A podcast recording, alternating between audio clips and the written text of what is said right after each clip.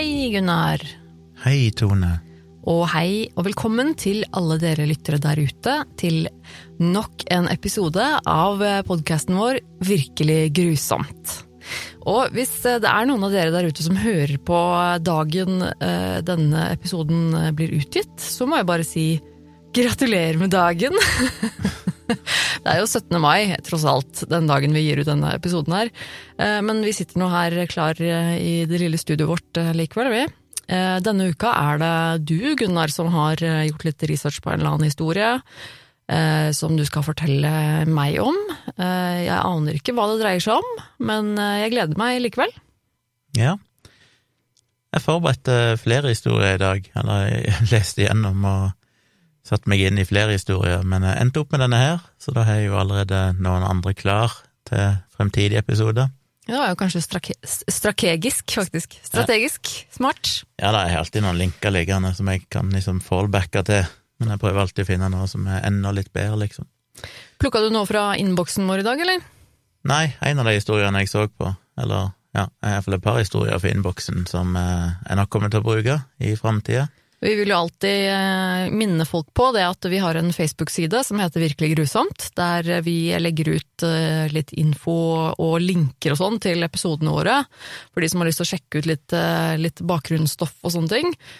Og så har vi jo en mailadresse, virkeliggrusomt at gmail.com, og der mottar vi mye bra, altså tips fra dere der ute om, om saker og hendelser vi burde snakke om, eller om det bare er ja, tilbakemeldinger og sånne ting. Det er veldig, veldig hyggelig.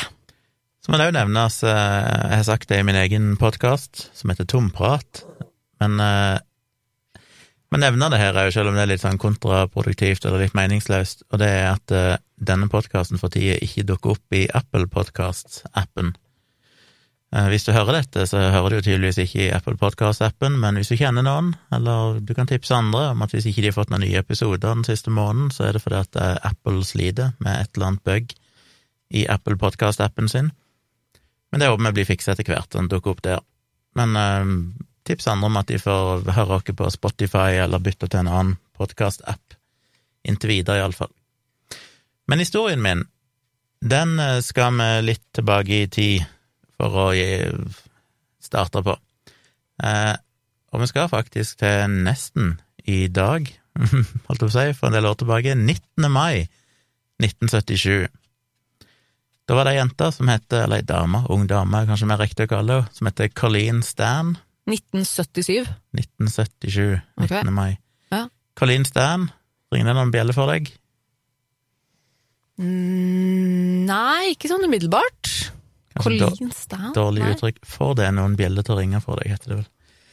Eh, nei, jeg kan nei, ikke jeg si det sånn, eh, sånn, med en gang, i hvert fall. Jeg har sikkert kjent denne historien er, men eh, som vi skal komme tilbake til seinere, mot slutten, så er det jo Han er jo blitt en del av populærkulturen på et vis. Men eh, 20 år gamle Colleen Stan, hun skulle i bursdagsselskapet til en kompis.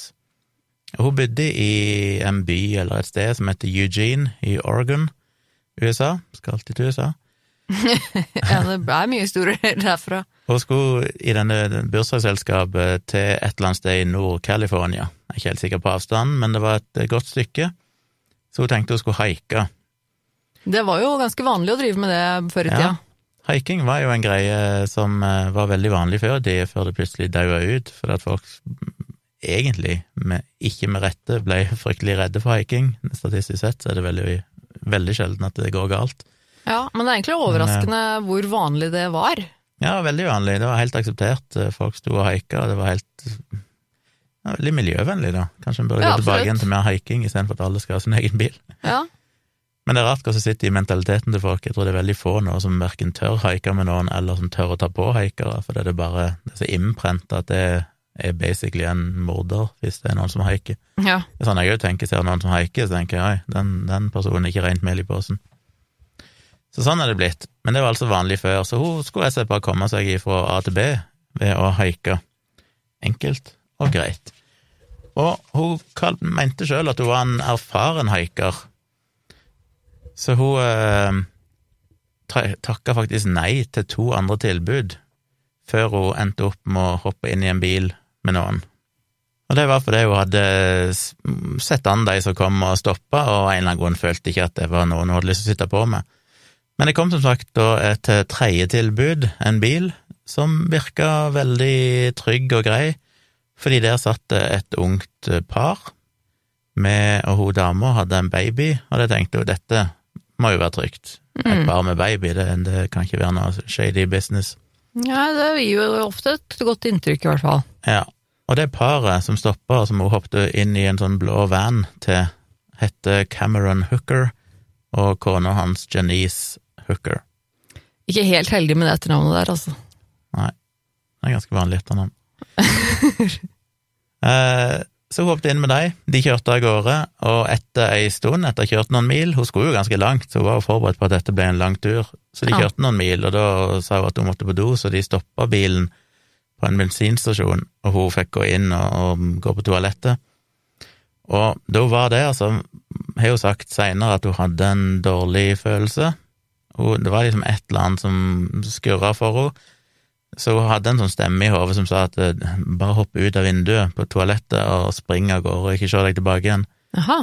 Men så følte hun seg egentlig bare dum og tenkte sånn æh, shit, dette her er jo man må, slutte å tenke sånn. Så hun gikk tilbake og satte seg i bilen. Ja, for det var ikke noe som hadde liksom gitt henne egentlig noe Nei, konkret eh, Fram til da så var det jo et normalt eh, ektepar med en baby, egentlig, men det var tydeligvis et eller annet eh, Det er aldri spesifisert hva det eventuelt var. Men da hun satte seg i bilen igjen, så sto det plutselig en kasse på sida henne i setet i bilen. Aha. Og det var en eh, litt sånn rar kasse, mm, sånn cirka 50 ganger 50 cm, ut ifra det jeg har sett på bildene, med et eh, hull i den ene sida. Okay. Men eh, ikke hørt at det ble sagt noe mer om det, og bare tenkte ok. Eh, så kjørte de videre, og vi vet jo da seinere at det var han Cameron som mens hun var på do, hadde henta denne kassen, plassert den i baksetet, og hun skulle seinere finne ut at den kassen ble kalt for en headbox, en Eh. hodeboks. Det lover ikke godt. Det er et litt sånn foruroligende navn. Ei, ei, ei. Men de kjørte videre, og når de hadde kommet seg vekk fra sivilisasjonen, når det ikke var noe særlig bebygning og sånn lenger, så svingte han plutselig av veien og begynte å kjøre nedover en grusvei. Og etter ei stund så stoppa han bilen, gikk eh, bak i baksetet, dro fram en kniv, pressa mot halsen på henne og bandt henne fast. Gagga henne, altså stappa et eller annet i munnen hennes, og så ble hodet hennes plassert inn i denne headboxen, som da var en kasse han hadde laga sjøl, som var med tjukke vegger, var lydisolert, så det kom ikke inn verken lys, kunne ikke komme lyd ut, og det var dårlig med luft òg. Så hvis hun prøvde å skrike eller noe, så var det ingen som kunne høre. Altså, de plasserte bare den boksen rundt huet hennes, på en Ja. måte? vet ikke hvor om hun bare lå i baksetet, så vidt jeg vet, så lå hun bare i baksetet. Jeg Ja. leste ikke noe om at de la henne i, i trunken eller noe sånt, men Åh, fy faen. Men der lå hun i denne headboxen. Så de fortsatte å kjøre til et sted som heter Red Bluff i California, som var 48 mil cirka fra der de plukka henne opp. Så det er jo omtrent som å kjøre fra Oslo til mitt hjemsted, bortimot, som er ca. 50 mil.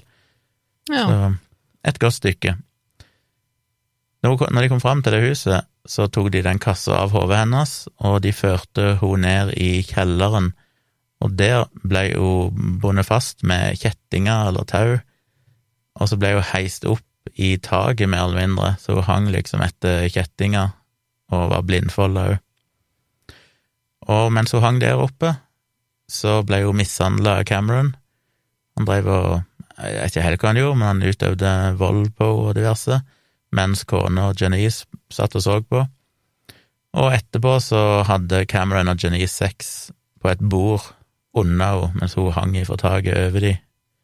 Så hun ble tvunget til å måtte overvære det. Jeg Vet ikke hvor mye hun så, siden hun visstnok var blindfolda på et eller annet tidspunkt, men, men ikke så trivelig. Men det var liksom uh, foreplay, det da, for de to, liksom, å drive og mishandle en stakkars Åpenbart så var det nok iallfall til at de syntes det var sexy. Åh, Og først mishandla ei ung dame og henge opp i taket. Før de hadde sex. Jeg prøver å være ganske lite fordomsfull mot eh, folks eh, forskjellige kinker og seksuelle preferanser, men akkurat det der syns jeg ikke er greit. Nei, altså hvis det vært frivillig fra Collins side, så er det jo helt greit om noen eh, vil gjøre det. ja, eh, men så nei, lenge det er er liksom, det er litt utafor, syns jeg. tunge, så er det ikke helt greit. Så seinere på kvelden så ble jo tatt, nei, så ble jo senka ned, eller tatt ned, Og så ble jo putta inn i en kasse som var eh, sånn cirka, så vidt jeg har skjønt, én ganger to meter, eh, og fortsatt bundet med kjettinger, så vidt jeg vet. Og den kassa var jo altså den så liten at du, du kan ikke legge deg ned i noen retning, så hun ble tvunget til å sitte 24 timer i døgnet inni den kassen. Og der ble hun basically sulta, hun fikk veldig lite mat, fikk lite vann, og hun ble tatt ut av kassen en sjelden gang, og da ble hun basically torturert med at de brant henne eller svei henne. Hun fikk elektriske støt, hun ble piska, og hun ble voldtatt på en sånn ritualisert måte. Og mens hun var i den kassen, så var det et, et bilde der, så vidt jeg skjønte, så var veska hennes enten ikke om det var hennes eller Genisi-veska, jeg tror det var hennes veske, som var plassert på gulvet, og opp langs det bildet så var det plassert et fotografi og det kunne hun se igjen ut gjennom et sånn luftehull i den kassen. Så så lenge hun var i den kassen, så så hun alltid på det bildet. Og det bildet, og dette vet ikke jeg om hun egentlig visste på det tidspunktet, men det bildet var da av ei jente som het Marie Elizabeth Spanhake, som hadde forsvunnet i 1976, altså året før, og som ingen hadde funnet igjen noen gang. Mm. Så hvis hun ja, Jeg vet som sagt ikke om hun visste hvem det var på det bildet, men eh, det er jo en litt sånn uheldig Hva heter det? Litt sånn dårlig forutdannelse. Når du Ja, ser det- sånn bilde. Det, det er nesten så jeg håper at hun ikke visste det. Jeg tenker Det hadde vært ekstra ille hvis hun kikket på det bildet, og så, visste, og så kjente hun igjen bildet av at det var en jente som hadde forsvunnet. Ja. Åh, Og i den kassen der hun altså måtte sitte hun kunne ikke ligge eller noen ting, og dårlig ventilasjon og sånn, så ble hun holdt fanga, altså 23 timer i døgnet. Hun slapp ut én time i døgnet. Og der ble hun, hun ble jo som sagt kidnappa i mai, men først i januar 1978, altså åtte måneder seinere, what? så hadde hun blitt så medgjørlig at hun signerte en slavekontrakt med Cameron. Jaha. Og etter det så ble hun kalt for Kay, det sto liksom i kontrakten at hun skulle bare omtales som Kay, og hun måtte kalle Cameron for master, og Janice, da kona hans, for ma'am. Og Colleen ble jo hjernevaska mens hun var der, så hun ble jo fortalt gang på gang, det ble liksom hamra inn i henne, at Cameron var del av en sånn mystisk organisasjon som kalte seg for The Company, Mhm. og hvis hun prøvde å rømme, så ville de korsfeste henne eller skyte henne. Så hun ble liksom hele tida hjernevaska og, brente inn at hun, hun måtte bare adlyde og måtte ikke prøve seg på noe, for den her Company var mektige, og de ville ta henne. Mm. Janice sa jo til henne at hvis eh, hun gikk ut døra uten tillatelse, så var det omtrent det samme som at hun bare sikta en pistol på sitt eget hode og trakk i avtrekkeren. Det var liksom som en sikker død. Ja. Så det var ikke noe å prøve på engang. Og hun fikk også beskjed om at hvis ikke hun gjorde som de sa, så ville Cameron få folk, da sikkert sikre The Company, til å reise av gårde og skade familien hennes. Så hun ble jo både hjernevaska av frykt, og ble da mer og mer lydig og desperat for å slippe unna denne torturen som hun ble utsatt for. Etter en stund, jeg er ikke helt sikker på hvor lenge det var, men kanskje etter noen måneder, så flytta dette paret til et annet hjem, et sånn mobilt hjem, og der bygde Cameron en sånn kasse som så mer ut som ei kiste, egentlig, eh, som var lang nok til at du kunne ligge i den, og den hadde de under vannsenga si.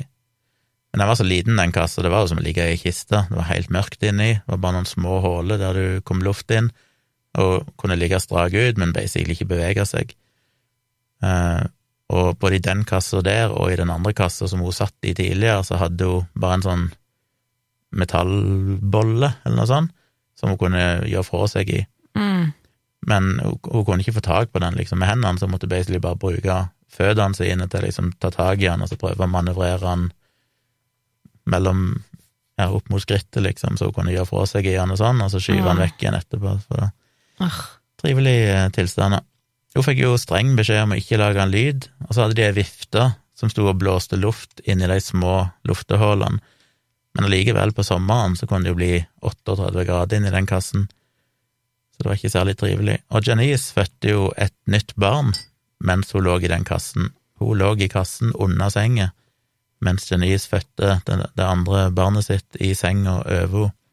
Så til og med da måtte hun ligge i den kassen og bare ja, overvære det og høre på det.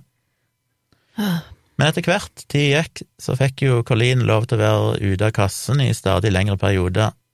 Hun fikk lov å hjelpe litt til med ungene, hun har to unger da, to døtre.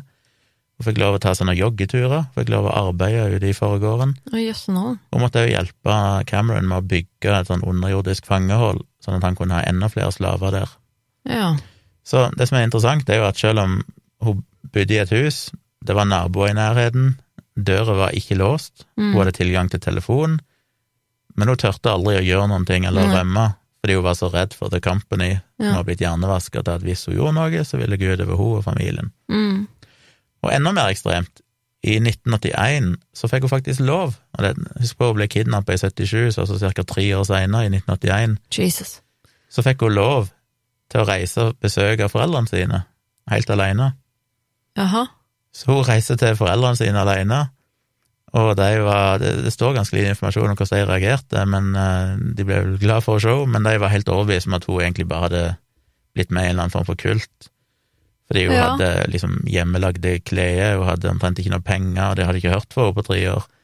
Og hun overbeviste dem om at hun hadde, var sammen med han Cameron, og at han var kjæresten hennes, og at hun var veldig lykkelig.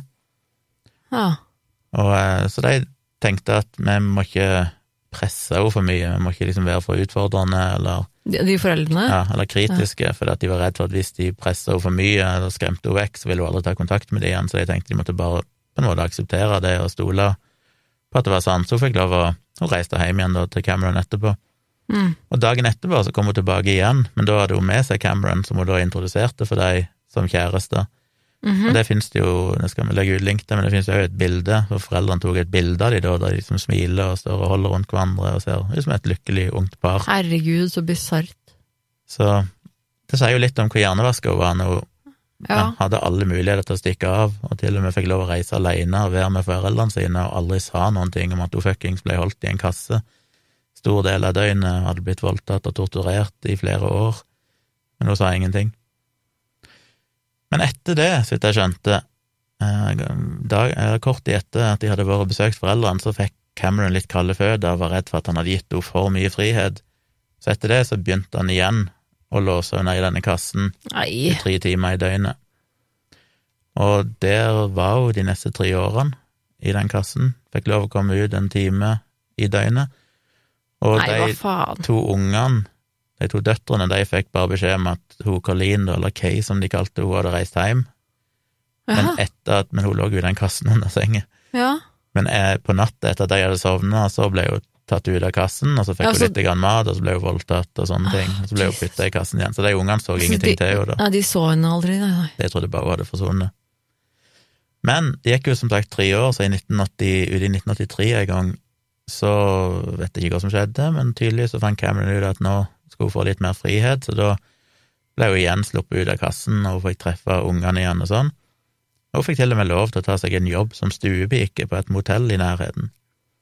What? Så hun jobba der på dagen, tydeligvis, med å komme hjem igjen, og fortsatt sa ingenting til Hæ? noen om at hun hadde bodd tre år i en kasse. Fy faen, stakk Hun er helt ødelagt. Ja. Totalt ødelagt. det, det er litt sånn du snakker om den der historien du hadde for noen episoder siden om han som satte seg fast i en grotte.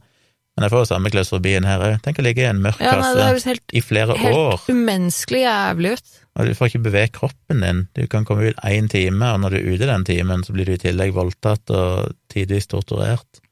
Og så ligger du bare oppi der. jeg lurer på hva slags effekt det har på en syke. Altså, Ja. Du må jo bare bli eh, en zombie på et eller annet altså, Det er jo sikkert ikke noe av henne igjen, på en måte. Altså, hun har jo ikke Nei, det, jeg skjønner ikke at noen kan Ai, takle det. Men etter hvert så bestemte Cameron seg for at Colleen skulle bli hans andre kone. Ja vel, ja. Og det likte ikke Janice så veldig, så hun ble jo litt sånn oppgitt. Det som var bakgrunnshistorien, var at eh, Colleen og Nei, ikke Colleen, men eh, Janice og Cameron var jo gift, Mm. men han hadde På et eller annet tidspunkt så hadde han fått hun Janice å signere en kontrakt som ga han lov til å kidnappe og holde fanga en sexslave. Han liker de der kontraktene. Ja, sånn at han fikk utløp for sine sadistiske behov. Jesus. Ifølge kontrakten så skulle han ikke ha noe penetrering av seg seksuelt, Eh, Så det skulle liksom ikke være noe sånn at han skulle ikke være utro. Han skulle ikke være utro, liksom. Nei, slapp av, dette går så bra, jeg skal ikke være utro mot deg, skjønner du. Men Janice hun ble veldig lei seg når han plutselig ville ha hun til å bli kona hans, eh, hun Colleen. Så da var, egentlig hun fått nok, så hun endte opp med å fortelle Colleen at Cameron var ikke med i The Company. Da hadde Janice fått nok, liksom. Ja. Det, der var dråpen. Det var dråpen. Så selv om en plass jeg leste, så sto det at hun sa at The Company ikke fantes, og en annen plass så sto det at eh, hun bare sa at Cameron ikke var med i The Company, selv om hun insisterte på at selve organisasjonen eksisterte. Det kan jo hende at hun trodde det. Kan jo hende at han hadde Kanskje. hjernevaska henne til å tro at han til å, til å tro at det fantes. Men at hun, umulig. kanskje kona etter hvert hadde skjønt det sjøl, at han ikke var med det. Eller at liksom Ikke helt umulig, for Ja. at eh, det Janice endte opp med å fortelle til Colleen, var jo at, eh, at selv om det i starten så så det jo ut som at Janice var nøyd å se mm, Cameron driver og misbruker og torturerer og sånn, men i realiteten så kom hun ut av skapet og sa at hun òg hadde jo blitt utsatt for seksuelle overgrep og vold fra det øyeblikket hun møtte Det var det jeg tenkte, nemlig. Da hun var 15 år gammel, hadde de møtt hverandre. Ja, nettopp, ja. Og da hadde han pleid å piske henne, henge henne oppe i treet, iføre et håndjern, holde hodet hennes under vann til hun nesten drukna, og hvis ikke hun adlød alt han sa, så banka, hun, banka han henne opp. ja. Samme regime, liksom. Så hun var jo basically en slave, hun òg, da, Mm. Eh, i situasjonen. Så det var i den situasjonen hun hadde gått med på å signere en sånn kontrakt, litt for at da kunne han få utløp for de sadistiske tendensene sine overfor ei annen jente. annet? Ja, selvfølgelig. Unna måte Det må jo være kjempefint for hun Janice, da. Slipper hun på en måte å få det på seg. Men hun var jo ikke så keen på at han skulle ha sex med andre, tydeligvis, og det var liksom en kompromiss da, at han skulle ikke penetrere de. Ja, det er vel sikkert litt sånn Stockholm syndrome-aktige greier her, da. Hun er vel Ja. sikkert glad i han på et eller annet vis, selv om han har misbrukt henne og Så det offeret som det endte opp med å bli, var jo da Colleen, som ble den jenta han fikk lov å kidnappe. mm. Mm, I august 1984, da hadde jo altså hun vært, hun Colleen vært kidnappa i sju år. Da hadde Janice fått nok, så hun tok rett og slett Ja, det varierer litt historiene her. En historie sa at hun, etter hun hadde fortalt dette til Ja, Colleen, så gikk jo hun bare av gårde sjøl. En annen sier at hun tok med seg at Janice tok med seg Colleen og kjørte henne til en busstasjon. Ok. Og så kjørte hun av gårde sjøl med døtrene sine og stakk av. Ok, så, så hun Janice forteller Colleen at uh, det her bare bullshit, Ja. han er ikke med i noe uh, The Company. Og det var Også... Det som egentlig holdt henne på plass, det var jo frykten for The Company. Så Ja, når hun skjønte at det ikke var en liksom greie lenger, så var det liksom ingenting lenger som holdt henne fanga. Var Hun var jo bare Ja. fanga mentalt. Hun var jo fri på alle andre måter. Også for Ja. var. Mer eller mindre. I flere år. Jo, jo. Men når hun ikke var i kassen, så var hun egentlig fri. Ja. Så det var en sånn rein sånn mentalt fengsel de hadde satt henne i. Så hun. Janice hun bare stakk av hun da, etter at hun har fortalt det? Hun stakk av, hun orka ikke mer. Og igjen, Endelig, liksom. igjen det fascinerende er jo at da Colleen ble satt av på denne busstasjonen, det første hun gjør, er å finne en telefonkiosk og så ringe Cameron og si at eh, du, nå vil jeg forlate deg. Og Cameron Colleen sier også det, at hun vil forlate han. Ja, hun ringer til han og bare sier ifra at nå tror jeg jeg eh, forlater deg. Og han begynte å, å strigråte og syntes det var forferdelig. Så tok hun en buss hjem. Da hun kom hjem Hjem igjen til han. til foreldrene Til foreldrene sine. Ok, Ja. ja. Da hun kom hjem til foreldrene, eh, eller familien, så fortalte hun ingen om det som hadde skjedd. Hun rapporterte det aldri til politiet. Hun sa ingenting om det. Tvert imot så fortsatte hun egentlig bare de neste månedene å ringe han Cameron jevnlig, Okay. for det hun hadde lovt Janice at hun liksom ville gi han en sjanse til å, reformere seg sjøl og bli et bedre menneske. Ja, for det hadde han jo gjort seg fortjent til, eller? Så det gikk faktisk en tre måneders tid, og da var det Janice, altså kona hans, da, som endte opp med å plutselig melde Cameron til politiet Ah, og anklage han for å ha kidnappa, torturert og myrda Marie Elisabeth Spanhake, som altså forsvant i 1976. ja, hun er på bildet. Ja. Oi. Men liket til Spanhake eh, ble jo aldri funnet, og er jo ingen noensinne som har funnet henne, hun bare forsvant.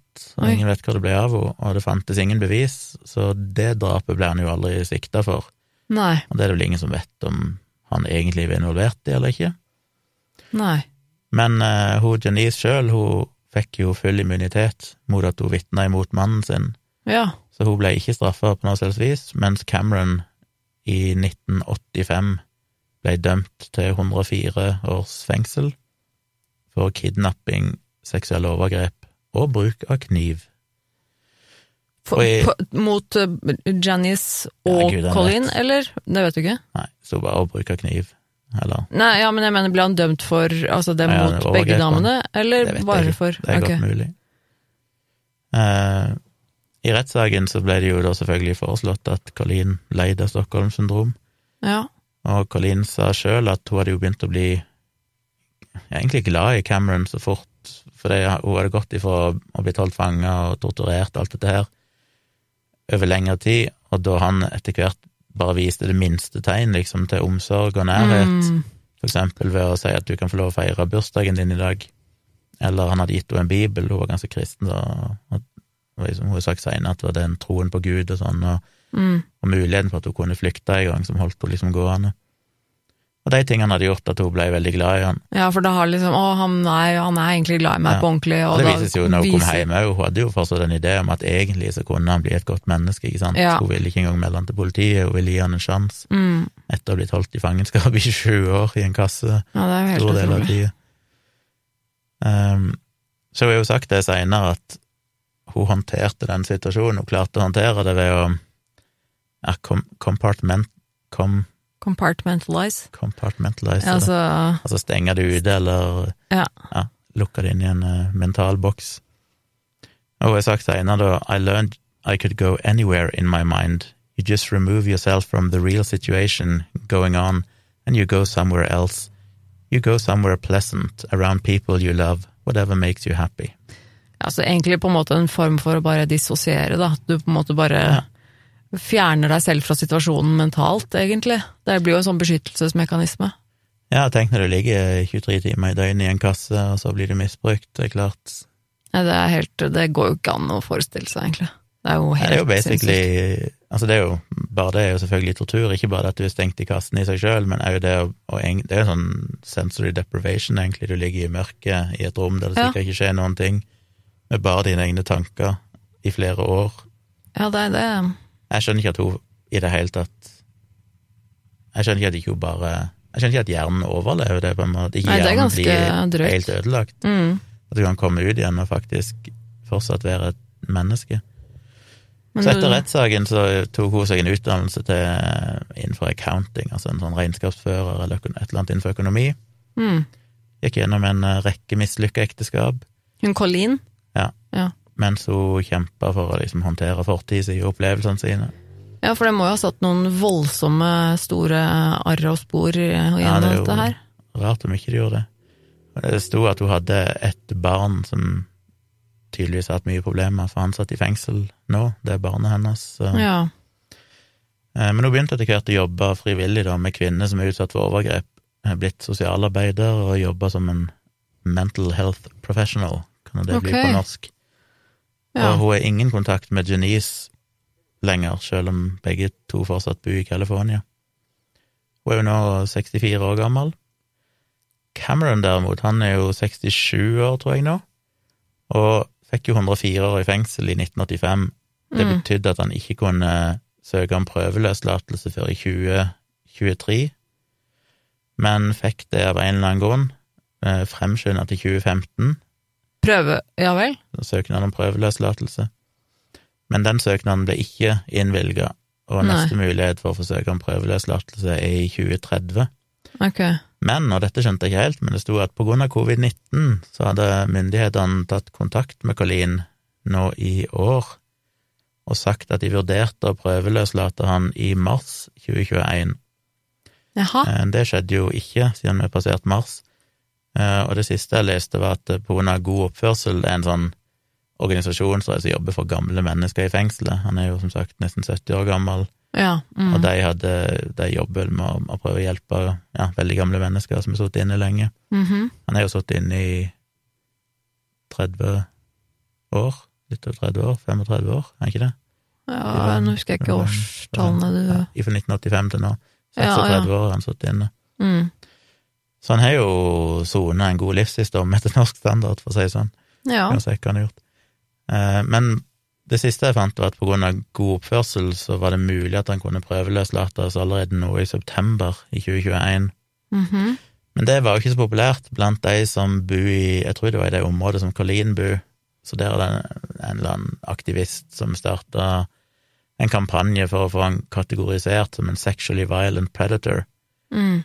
Og hvis du gjør det, så jeg skjønte ikke helt de juridiske aspektene her, men det er et eller annet du får den kategorien, og da må du gjennom en ny prosess, sånn at selv om man blir prøveløslatt, så slipper man ikke ut av fengselet.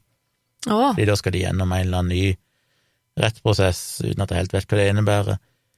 Eh, Men det fikk de iallfall gjennom, så i mars 2021 så fikk de denne komiteen til å godta det, at han faktisk er en sexually violent predator, mhm.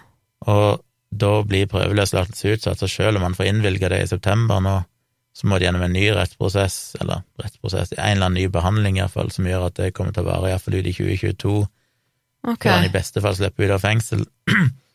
Men siden han nå har fått den kategorien som sexually violent predator, så betyr det egentlig at hvis han slipper ut av fengsel, hvis han blir prøveløslatt, så blir han istedenfor sendt til et sånt sykehus og må gjennom et behandlingsprogram Ja. som gjerne kan ta 10-20 år i snitt å Mm. gjennomføre før du blir ja, klassifisert som at du er trygg og, og kommer ut på gata igjen.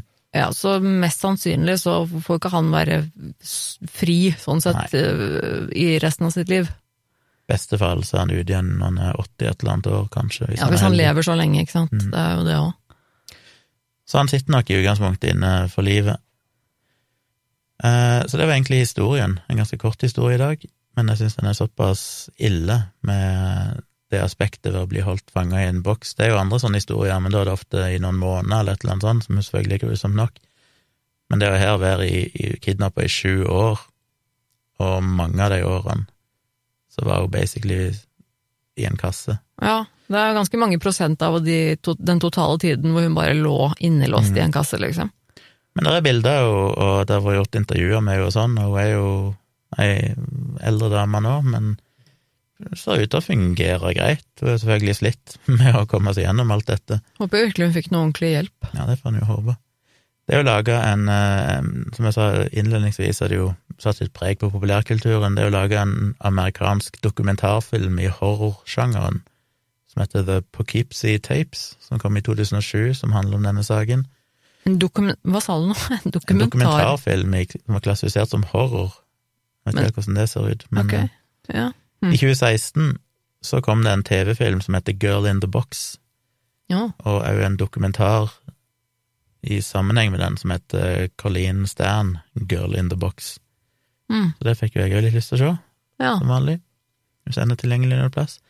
Vi Det er blitt eh, skrevet flere bøker som handler om dette her. Det er gitt ut eh, på Wikipedia, så det er liste over sanger og sånn som er inspirert av denne saken. Mm. Og Fascinerende nok så var det faktisk i 2012 hadde de var det premiere på en svensk opera som ble eh, fremført i Stockholm, som heter Den 4444. dagen, heter det stykket. Som da kanskje er antall dager og Nei, det var det ikke. Ti år er jo eh, 3650, så jeg vet ikke hva det tallet kom ifra. Det er 4400. Men som var basert på den historien, liksom? Ja. Ja. Men vi vet ikke noe ja, det er mange episoder i forskjellige sånn kjente krimserier sånn som har brukt den Inspirasjon saken. Inspirasjon fra den, ja. inspirasjon. Mm. Um, bare det jeg tenker på når jeg tenker på en sånn sak, det er at det er så lett å tenke på at eh, ja, dette var helt forferdelig grusomt at det skjedde, og det er jo andre sånne historier med folk som er blitt holdt fanget. Men det som er ekstra ille å tenke på, det er at akkurat her vi sitter nå, akkurat der noen du som hører på, hører på dette, når nå enn det måtte være, så er det ganske sikkert at det finnes folk rundt om i verden som er fanga i en kasse et eller annet sted. Statistisk sett så er det nok eh, Jeg mener, det er jo snakk om Jeg har ikke sjekka tallene, men det er vel mange, mange tusen hvert eneste år som forsvinner, Mm. eh, i, bare i den vestlige verden, liksom. For ikke å snakke om land, selvfølgelig, der det er krig og, og uro og sånne ting. Mm. Men bare i liksom USA og Storbritannia og Europa så er det jo tusenvis av mennesker som forsvinner. De fleste av dem er nok helt legitime ting, folk som bare stikker av og vil starte på nytt og alt mulig sånn. Men det er klart, en del av dem er jo folk som de aldri finner igjen. Og vi hører jo om de sakene med disse, som regel jenter, som blir kidnappa og holdt fanga i bokser, eller i ja, tilsvarende saker. Vi hører jo om de fordi at de som regel overlever, men jeg bare tenker på hvor mange sånne jenter er det ikke som har blitt holdt fanga i bokser, og gutter, som har endt opp med enten døy av sult eller tortur, eller bare blitt drept på et eller annet tidspunkt, og du vet aldri om dem, og de blir bare liksom erklært som missing. Mm.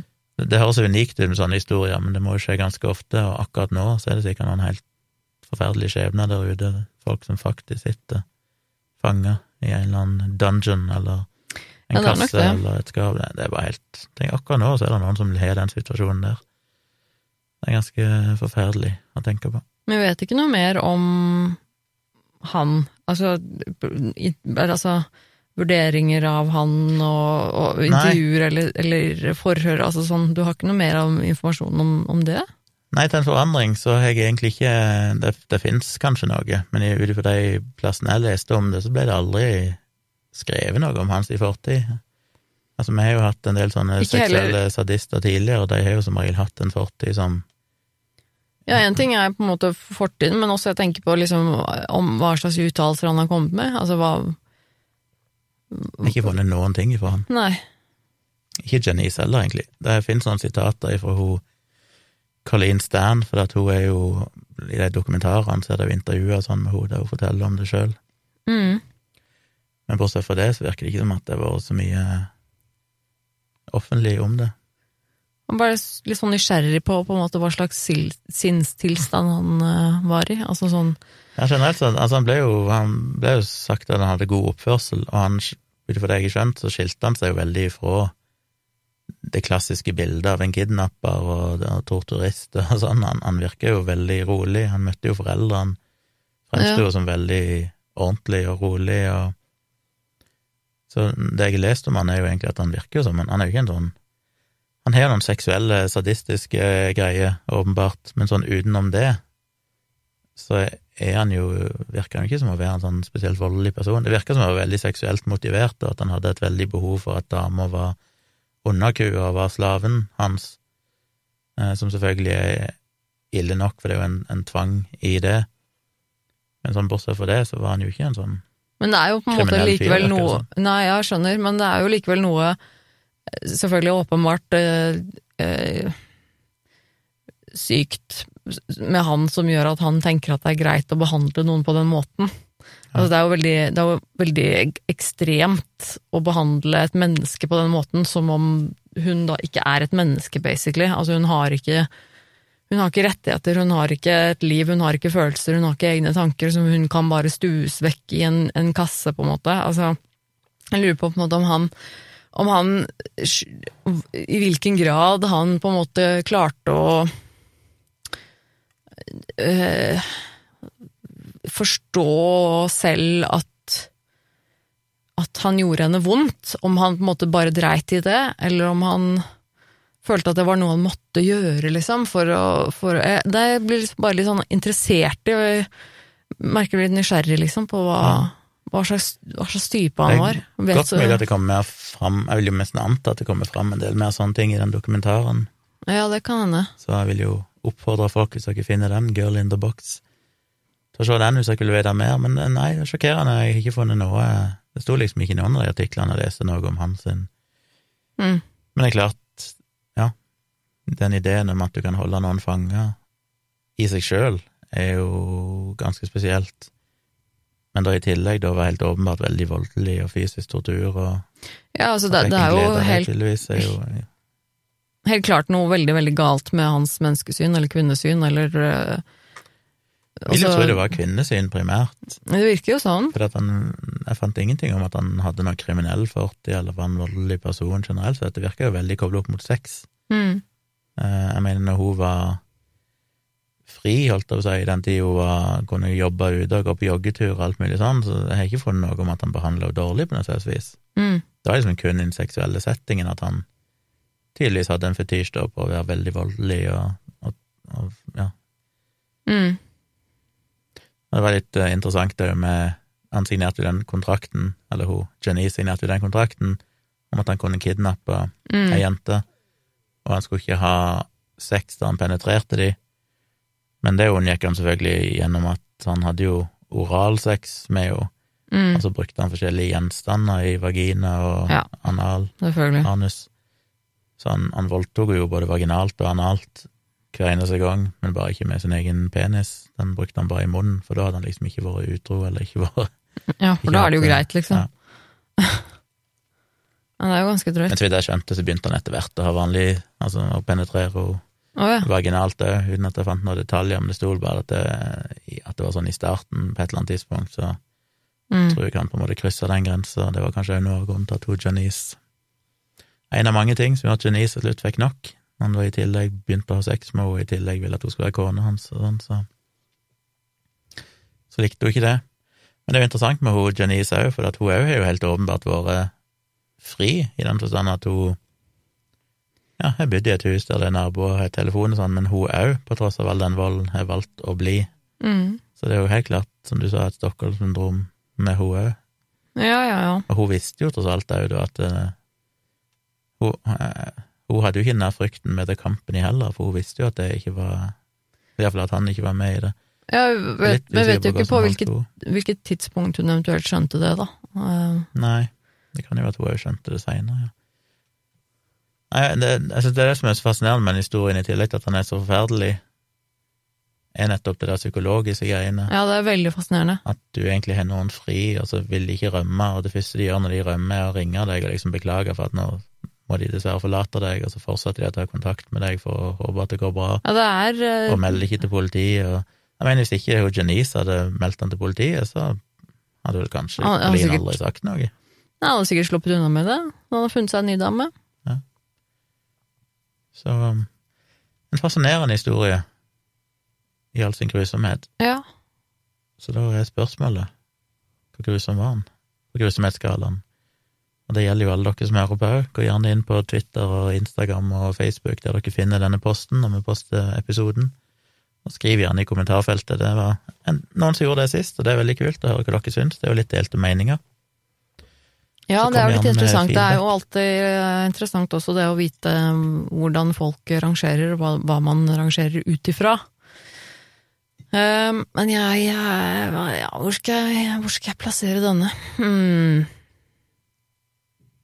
Denne ja, um, Denne er veldig, veldig fascinerende, og det er veldig mye grusomt her. Jeg tror den havner på et rundt fem. Eh, og det er litt sånn eh, Jeg er bare veldig, veldig glad for at eh, holdt jeg på å si, alle overlevde. Det vet vi jo ikke sikkert. Det var jo spørsmål om denne forsvunne jenta, om, om han hadde hatt noe med den forsvinningen å gjøre. Det vet vi jo ikke, da. Um, men i utgangspunktet så overlever jo alle. Um, og vi kan jo bare håpe at både Janice og Katelyn Nei, hva het hun? Uh, Colleen, hun som ble kidnappa. Eh, har hatt et uh, forholdsvis ålreit uh, liv etterpå. Eh, men det er jo eh, det, er selvfølgelig Altså, når man blir utsatt for noe sånt, så er man jo permanent skadet på et eller annet vis. Man vil jo ikke Selv om man kan få et godt liv, så vil det jo alltid være med deg. Men jeg tenker at eh, jeg har, hørt, jeg har hørt verre, jeg har hørt veldig mye verre, men eh, det er veldig fascinerende, dette med Stockholm-syndromet, og eh, hvordan man eh, velger å Hvordan man etter hvert blir på en måte så blind for enkelte handlinger. Det er jo litt sånn man ser stadig vekk. Altså, det, er jo, det er jo ikke noe uvanlig sånn sett i det, hvis man ser på dette med å, å Altså med voldelige forhold. Eh, ikke nødvendigvis så voldelige eller så Ja. fæle som dette her, men, men andre ting også, hvor det er eh, vold i et forhold, hvor, hvor man da likevel velger å være i forholdet, og det er mange som syns det her er kjempevanskelig å forstå, liksom, ja, men mannen din slår deg, hvorfor, hvorfor går du ikke fra ham, du må jo bare gå fra ham, og så er det likevel dette aspektet med at, ja, men det er komplekst, ikke sant, fordi at man føler likevel at ja, men han er så god når han først er god, når han er blid, så er han verdens beste, og de fortsatt Men- har følelser for han, ikke sant, og de, Men tross alt, hun stakk jo egentlig eh, ved første mulighet, når ikke det der The Company hang over henne lenger. Så sånn sett så rømte hun jo. Så Stockholm-syndromet strakk seg jo til at hun fortsatt tydeligvis følte en var for omsorg for han, men hun ville jo ikke nok til at hun ville være med han, liksom. Ja, nei, jeg tenker jo at eh, det kanskje var det som var den, den store forskjellen på hun Janice og Colleen, da, fordi at Mm. Colleen ble i utgangspunktet kidnappet og, og, og tatt- med mot sin vilje. Mm. Uh, mens Janice kanskje hadde i, i utgangspunktet et slags romantisk forhold med denne Ja. mannen. At hun hadde kanskje utviklet noen følelser for han, og ville i utgangspunktet være sammen med han, og ville tro på at han var et bra menneske innerst inne. Eh, men at det var, sikkert kanskje da var derfor hun endte opp med å være med han så lenge, tross alt. da. Mm. Mens at eh, hun, Colleen, når hun først fikk sjansen og på en måte skjønte det at ok, men hvis jeg rømmer, så er det ikke noen som kommer etter meg, så hadde ikke hun de samme dype kanskje følelsene, de samme, de samme blindhetene for han da, som, som Janice hadde muligens. Så det er rart å tenke på de ungene, de er jo de to døtrene, de er jo Mm. på min alder nå.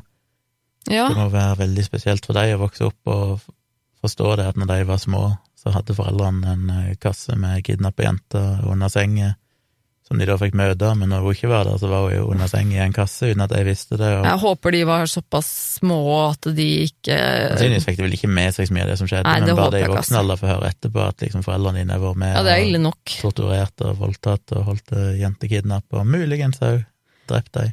Kan, ja, det kan i hvert fall virke som om en av foreldrene, altså Janice, da, at hun på et eller annet vis kanskje har klart å være en, en mor for dem Mm. senere, får man jo håpe. Eh, Men det er, det, nei, det er jo bare en, det er jo kjempetragisk, på en måte. Hva syns du om at eh, Janice fikk full immunitet? Er det verdt å ikke gi henne noen straff å vitne mot mannen, eller?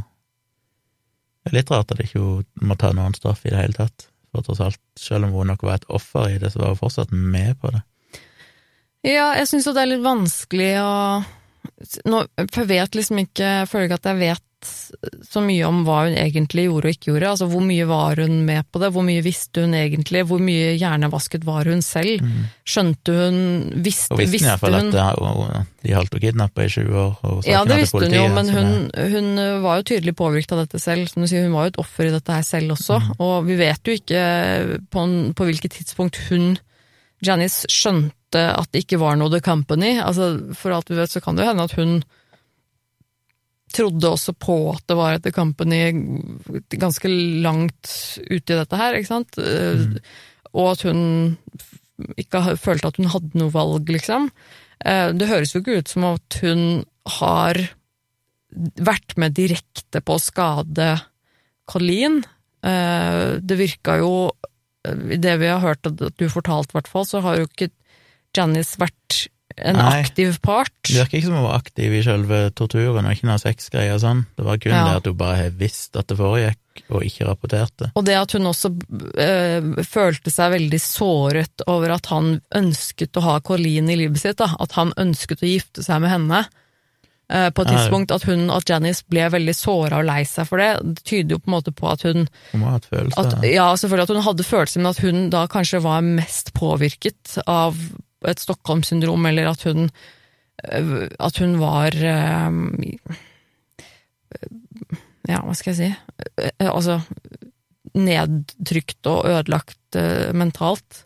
Mm. Jeg tenker jo at i så fall, sånn, sånn det inntrykket som jeg har fått ut fra det du har fortalt, så tenker jeg jo at det kanskje er Det er nok sånn sett kanskje riktig å, å frikjenne Ja. henne. Etter, med tanke på da, alt hun mest sannsynlig har gjennomgått selv, og Jeg tenker på at hun var 15 år når de tingene begynte med henne. Ja, hun altså, var så ung, og. Men altså, hun var jo Nå klarer ikke jeg å gjøre matten i hodet i full fart, men ganske mange år sammen med han før de kidnappa Colleen. Uh, så hun hadde jo hatt ganske mange år med mishandling og, og dritt, hun òg, så det er på en Mhm. måte Det er ikke sånn at hun ga seg veldig fort uansett.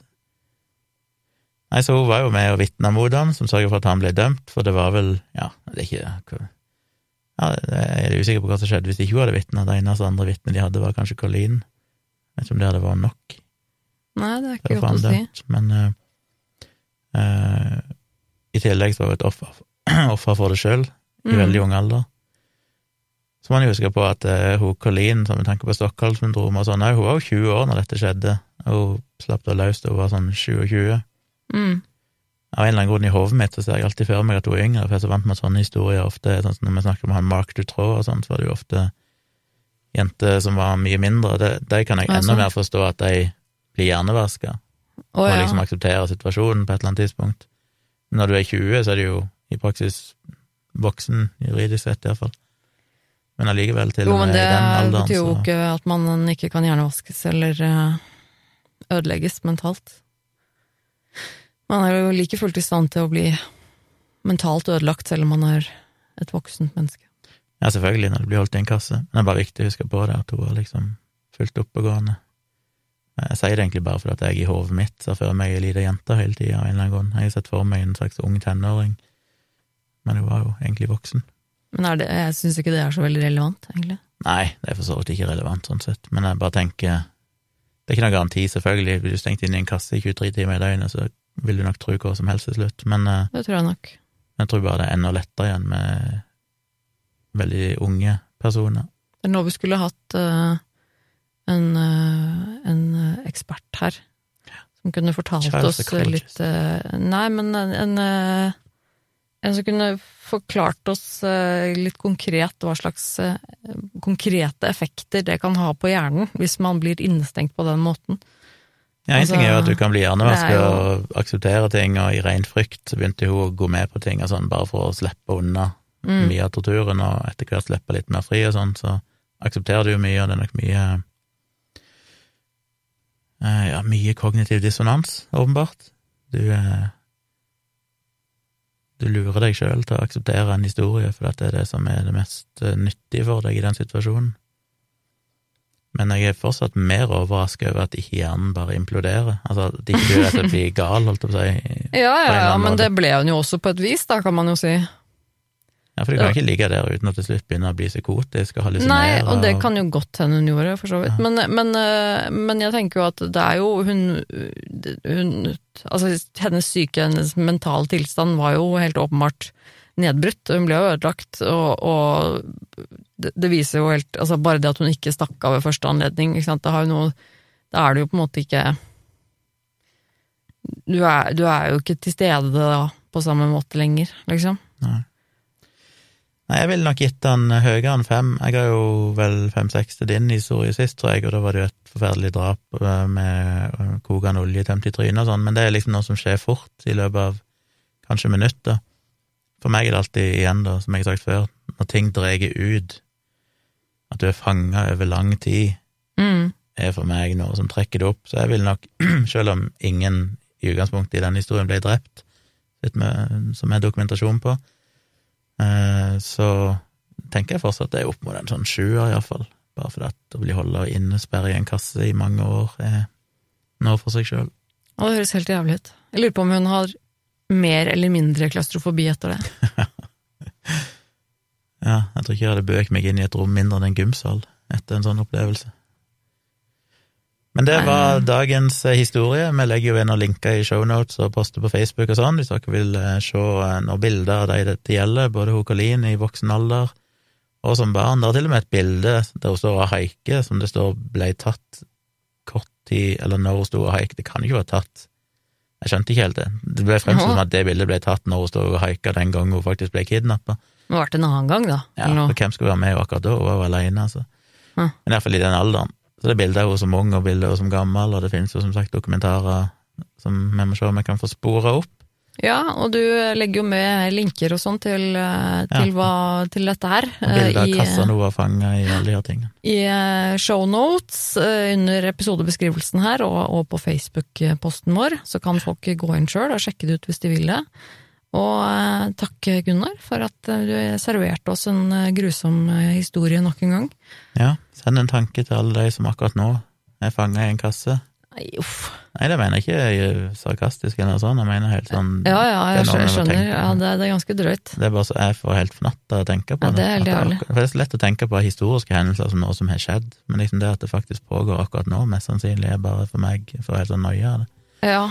Så det kan være Nei, det er ikke greit å ha i bakhodet. Det er best å kanskje ikke ha det i bakhodet, men Men Jeg vil eh, påstå at det er kanskje best å ikke gå og ha det i bakhodet har tiden. ikke tenkt for mye på det. Bare være jeg er klar over at det kanskje er sånn. Men Hvis du har noen tips til oss om om historier vi burde ta opp, så send oss en eh, mail da vel, på virkeliggrusomt at gmail.com. Og så er Tone tilbake neste uke. Er bare jeg tilbake neste uke? Du er tilbake med en historie. Jeg er tilbake igjen, eh, skal sitte her og drikke kaffe og høre på. Ja, Vi er jo tilbake begge to da neste uke. Ja. Vi er det. Men da er det jo altså min tur. Eh, Så får vi se hva det blir til. Foreløpig vet jeg ikke hva det blir, men et eller annet eh, En eller annen grusom historie fra virkeligheten skal vi nå klare å grave fram, tenker jeg. Og jeg tror jeg har min historie neste gang. Om to uker er klar allerede, så da får jeg en enkel jobb. oi, oi, oi. Men takk for at du hørte på. Ja, takk.